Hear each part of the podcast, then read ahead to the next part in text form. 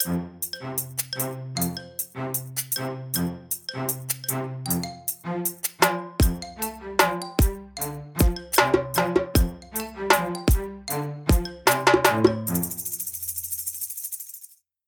välkomna tillbaka till Stacken, jag Daniel Gustafsson och Kim Hindart. Hubba. Idag så tänker jag först ursäkta för lite burkigt ljud om det är lite det när ni lyssnar. Vi håller på och eh, renoverar våran studio eh, som är ett evigt projekt som alltid förändras så fort vi kommer att sätta oss här. Men det är därför det är lite annorlunda ljudkvalitet idag. Hoppas att ni kan eh, ha överse överseende med det. Idag Kim tänkte jag att vi skulle snacka lite grann om ett par artiklar som har släppts nyligen angående GDPR. Eh, tre stycken till antalet och den första jag tänkte ta upp det är att det har fallit en ny GDPR-dom i Sverige. Ett företag som heter Mr. Koll som åkte på en bot på 365 000 kronor. Och det som är lite intressant med den artikeln är ju att det handlade om eh, kreditupplysningsverksamhet som Datainspektionen ansåg inte hade gjorts på ett korrekt sätt. Vad är din åsikt om den här artikeln? Jag tycker ju att det är intressant att Datainspektionen i Sveriges domar är sådana här väldigt intressanta tekniska fall ur rena GDPR-sammanhang. Det är jättekul att de publicerar delar som är intressant. Och varför är den här så intressant? Jo, det är ju för att de har så kallat utgivartillstånd. Vi har ju en lite speciell tillämpning i vår grundlag i Sverige där vi ger vissa företag rätt att publicera data högst. Relevant personuppgift-data, men mm. allmänt i telefonkatalog, i gula sidorna, i sånt. Eh, och det är vi lite ensamma om inom EU. Absolut ser det inte ut så här i Tyskland eller Storbritannien till exempel. De tycker vi är helt vansinniga i Sverige som har det här utgivartillståndet. Mm. Det jag tycker är intressant i den här är att bara för att du har ett utgivartillstånd betyder inte det att du har fritt fram att misshandla GDPR-data precis hur du känner och tycker för det. Och det tycker jag var en väldigt bra indikation med det här att de satte ner foten och sa nej, du måste fortfarande ha struktur. Nej, du måste fortfarande följa relevanta regler. Även mm. om du har ett utgivartillstånd så du faller tillbaka på att ja, jag har ett utgivartillstånd vilket ger dig möjlighet att lagligen behandla personuppgifter så får du inte misshandla dem för det. Mm. Och det tyckte jag var en bra grej och en bra aspekt i den här domen. Sen så är det en väldigt varnande grej för många som gör just det här med att det är väldigt lätt att fokusera för hårt på GDPR och missa andra, andra lagar och regler som man faller inför. inför. Och det tyckte jag var intressant. Så, ja. ja, för det finns ju liknande verksamheter till, till det här företaget som förmodligen handlar under samma Eh, uh, samma lupp. Det som också vi kan konstatera med det här, det, det har ju faktiskt börjat ske tillsyn rent generellt från Datainspektionen på rätt många verksamheter och det här är bara ett ytterligare exempel i raden. Så att, eh, om vi kanske tyckte att det för ett tag sedan att det, det hände inte så mycket, det vart inte så mycket konsekvenser av det. Nu har det gått över ett år och man har börjat att se över verksamheten på, på ett lite mera noggrant sätt och vet du vad, titta, det fanns ju lite att hitta i alla fall. Så att eh, ny dom i Sverige, den är intressant precis som du säger därför att den, den eh, berör fler företag som är, kanske normalt sett inte kanske ser sig själv som ett företag som faller under just den typen av tillsyn. Sen var det ju också det här med kreditupplysningslagen som den, den, den, den eh, tog upp och som man ansåg att man inte hade följt på ett korrekt sätt och på så sätt så faller ju GDPR under den också. Och sen var det ju även lite med eh, minderåriga som fanns med i form av personuppgifter för eh, barn under 16 år och sådana saker. Och det jag kan uppmana är, börja grupptala. Alla ni individer som är med här och registrerade på de här sajterna, gå mm. ihop. Hitta en jurist som är villig att representera er och gör en stämning. Det finns pengar att hämta här, så börja med det. Därför att det är inte förrän riktiga grupptalan kommer in mot oseriösa företag och de faktiskt slutar i konkurs som det kommer att ske en riktig ordentlig eh, uppstyrning att ja, jag tycker att hanterar man folks integritet så ska det hanteras varsamt och med respekt. Mm. Eh, och kan man inte leverera på det som ett företag så då är det sunt att de inte ska finnas kvar heller. Eh, min personliga åsikt i frågan. Så. Mm. Men det är intressant i alla fall att det kommit ett nytt fall. Vi får, vi får följa upp vad, vad resultatet av det där blir och ifall det är någon annan som eventuellt faller under samma förutsättning.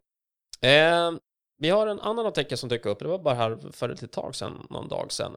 Eh, GDPR blev en dyr affär, men till vilken nytta var rubriken. Och det handlar om att eh, inför GDPR, och det här kan vi nog kanske vara en del av det drevet som börjar prata väldigt mycket om det, och det var väldigt mycket konsulter som gick ut i företagen och började aktivera sig på hur man skulle förbereda sig för den nya dataskyddslagen, GDPR, som trädde i kraft den 25 maj 2018. Och det var otroligt mycket konsultverksamheter som eh, förmodligen tjänade väldigt mycket pengar på den insatsen också. Men så när man väl var klar så stod företagen kvar på något sätt själv. Och så nu vet man inte riktigt vilket ben man ska stå på i alla fall. Konsulten är borta men problemen kvarstår. Det här är ju faktiskt en ganska intressant diskussion som man tar upp därför att vi och många andra som jobbar inom branschen som gärna förespråkar att man ska börja bry sig om regelverken och så vidare, och så vidare. Man kanske också måste ha en, inte bara en plan för hur man förbereder sig, hur, hur lever vi vidare med det här då? Och vad, vad var resultatet av den insats som, som gjordes? Var det bara att man ska försöka skydda sig här och nu eller satte man faktiskt en strategi för hur man faktiskt skulle kunna överleva framöver och hur introducerar vi nya tjänster och vad har vi för förutsättningar när vi, när vi, när vi går in i nya marknader och så vidare och så vidare. Um, det var intressant den artikeln i alla fall. Jag vet inte vad din tolkning var på den när du läste den. Jag tycker också absolut den är intressant och det var ju där jag vet att vi haft det här på tal tidigare och jag blir lite beklämd när jag ser väldigt välvilliga och enorma insatser och engagemang i att bli GDPR compliant, det vill säga man vill vara laglig, man vill följa lagen. Det är jättebra och det är rätt initiativ. Men man gör det tyvärr så skevt snedprioriterat så det är eh, tråkigt. Uh, och det tycker jag väl lite grann och det är så här, min allmänna upp utmaning generellt av åtminstone erfarenhet jag varit ute och tittat är just att se över er informationssäkerhet först och främst. Tekniska och organisatoriska åtgärder för att eh, skippa att du läcker data. De här GDPR-processerna du ska följa sen i form av att eh, ha uppdaterade privacy policies, säkerställa hur du hanterar information på ett lagligt sätt rapportera olika saker till eh, myndigheter. De är viktiga, ja, men inte lika viktigt som att inte läcka data. Att, att du inte har processer i full, full karriär utan det får bli lite manuella steg emellan. Det kan eh, inspektionen absolut ha överseende med att läcka data till obehöriga har de väldigt lite överseende med. Så mm. det är fortfarande där jag ser stora prioriteringen som är. Och strukturerat informationssäkerhetsarbete är det som fortfarande är eftersatt och behövs. Mm. Och då var det väldigt mycket fokus på vad var nytt och inte vad är vår stora brist idag som det blev. Så man fokuserar mycket på de nytillkomna processerna med GDPR. Och jag tror man missade väldigt mycket fundamentala man behöver göra. Som var ett arbete som många säger, ja, ja, vi vet att vi är eftersatt på informationssäkerhetssidan. Mm. Ja, det är fortfarande så att det är olagligt. Så, ja. Ja, och sen när jag läser sådana artiklar så blir jag också, jag, jag, jag, jag, kan, jag kan absolut förstå vad artikelns eh, andemening är, det vill säga att det var väldigt många som tog in extern hjälp för att just förbereda sig och sen när man väl stod själv så har man liksom ingen riktigt egen kompass på vad, hur man ska jobba vidare. Tyvärr är också det lite för mig avslöjande vad du hade för attityd till det här innan du tog in konsulten. Och någonstans på vägen så lite, och jag vet att det är kanske någon som känner sig lite, lite stampat på tårna här, men det, det får ni ta. Hade vi en attityd och en inställning redan innan GDPRs inträde av att personuppgifter var, var viktigt och vi hade bra koll på våra processer och vi hade koll på, koll på våra system, vi hade koll på vår personal och så vidare och så vidare, då var inte introduktionen av GDPR särskilt svår eller jobbig att ta sig an. För det som det varit en stor chock för var kanske det som hade en mindre bra förbered förberedelse och på så sätt tog in konsulten för att lösa våra problem. Och sen när problemen fortfarande kvarstod efter konsulten gick hem så innebär det fortfarande att vad är vår grundattityd i vårt företag och hur jobbar vi med de här sakerna? Det egentligen är mer avslöjande, tycker jag i alla fall, för hur man såg på det innan när, jag hade, när vi hade gamla PU-lagen kontra när inträdet av GDPR och så vart det någon form av chock som kom. Oj, vad mycket det var att ta sig an. Så någonstans vill jag säga att ja, jag kan absolut hålla med att andemeningen i artikeln är korrekt. Eh, och jag förstår att det finns många som tycker, nog tycker det är lite jobbigt, men samtidigt, vi har ett ansvar här själva också. Det faller rätt mycket tillbaka till vad vi har för strategi rent generellt i vårt företag och hur vi ser på, på den verksamhet som vi bedriver. Och prata om just det här affärskultur, tillbaka till kultur och ledarskap. Mm, lite faktiskt. En konsult kan aldrig ensam ändra din affärskultur. Det måste finnas jobb och engagemang från en själv också. Så att eh, en konsult är inte en kirurg. Ta in mig, operera mig och gör mig bra. Jag kan ligga passivt nedsövd under tiden. Eh, en konsult måste aktivt ha stöd och engagemang från de man hjälper också. Så att det, ja, skillnaden mellan kirurgen och psykologen brukar jag säga. Mm. Du måste själv engagera dig också i en del. Annars kommer det inte att bidra till att du blir bättre och hälsosammare. Och det kommer man inte ifrån. Och det är inget att hymla med att det är enormt mycket hårt jobb. Och jag är ledsen till alla andra som kanske försöker bli sålda eller tror det eller hoppas de ska kunna komma undan. Nej, det är extremt mycket hårt jobb. Ja, nej, verkligen. Det, det, det, handlar ju om att man måste, faktiskt måste ändra sitt beteende rent generellt och man måste se över sin verksamhet och hur man, hur man lever och lär. Och det där är en större omställning än att bara få en mirakelmedicin och så gick vi vidare. Men jag håller med om att absolut, jag förstår att många som kan känna sig övergivna nu eh, och inte riktigt vet vart man ska. Men fortsatt, det handlar om ett beteendeförändring och den beteendeförändring sker över lång, lång tid. Så även om ni har gått ett år nu och ni känner att ni inte har koll på alla all GDPR-hantering eller era personuppgifter. Det är ju ett fortsatt konstant arbete, det tar aldrig slut. Eh, sen kommer det bli lättare och lättare ju bättre processer man har på plats och enklare man har att ta sig an det. Så är det ju, men det handlar fortfarande om att om vi inte brydde oss innan så kan vi nog bli lite tagna på sängen nu att vi, mm, hur, hur var vår attityd egentligen? Hur stod vi till det här? Vad, vad, vad gjorde vi egentligen? Och vad har vi själv för, för, precis som du säger, vad har vi själv för ambition att förändra oss nu på lång sikt så att det här inte är ett problem om 5, 10, 15 år utan att vi känner att det blir lättare och lättare för varje år som går.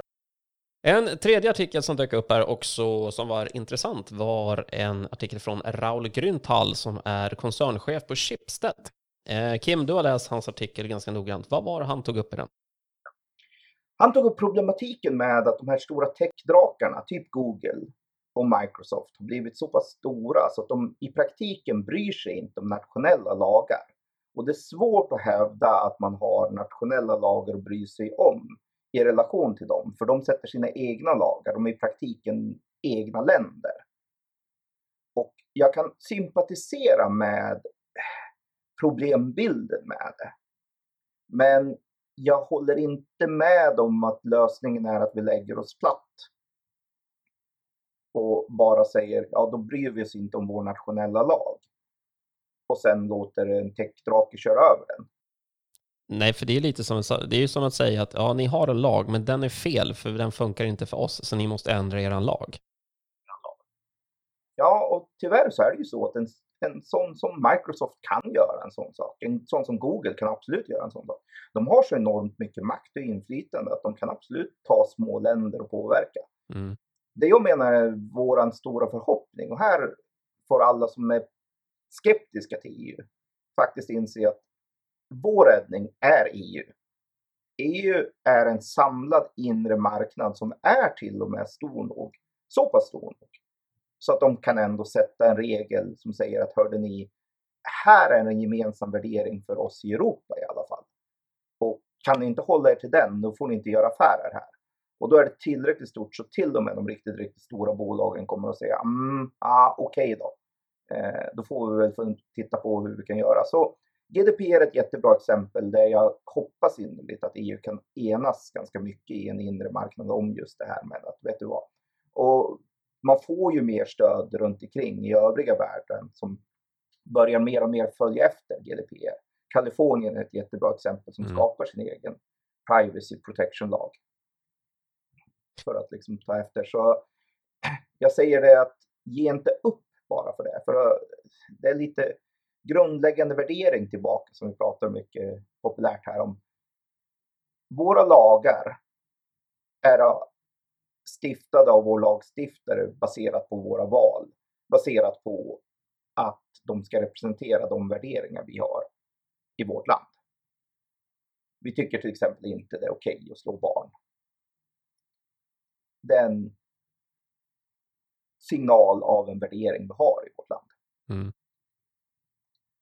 Eh, den tycker jag man ska hålla fast på och inte ta för lätt på. Och den ska inte bli överkörd av ett privat bolag för att man glömmer att skulle man titta på de här stora techdrakarna ur ett demokratiskt perspektiv så är de diktaturstater. Du har mm. ingen transparens. Du har ingen skyldighet till transparens.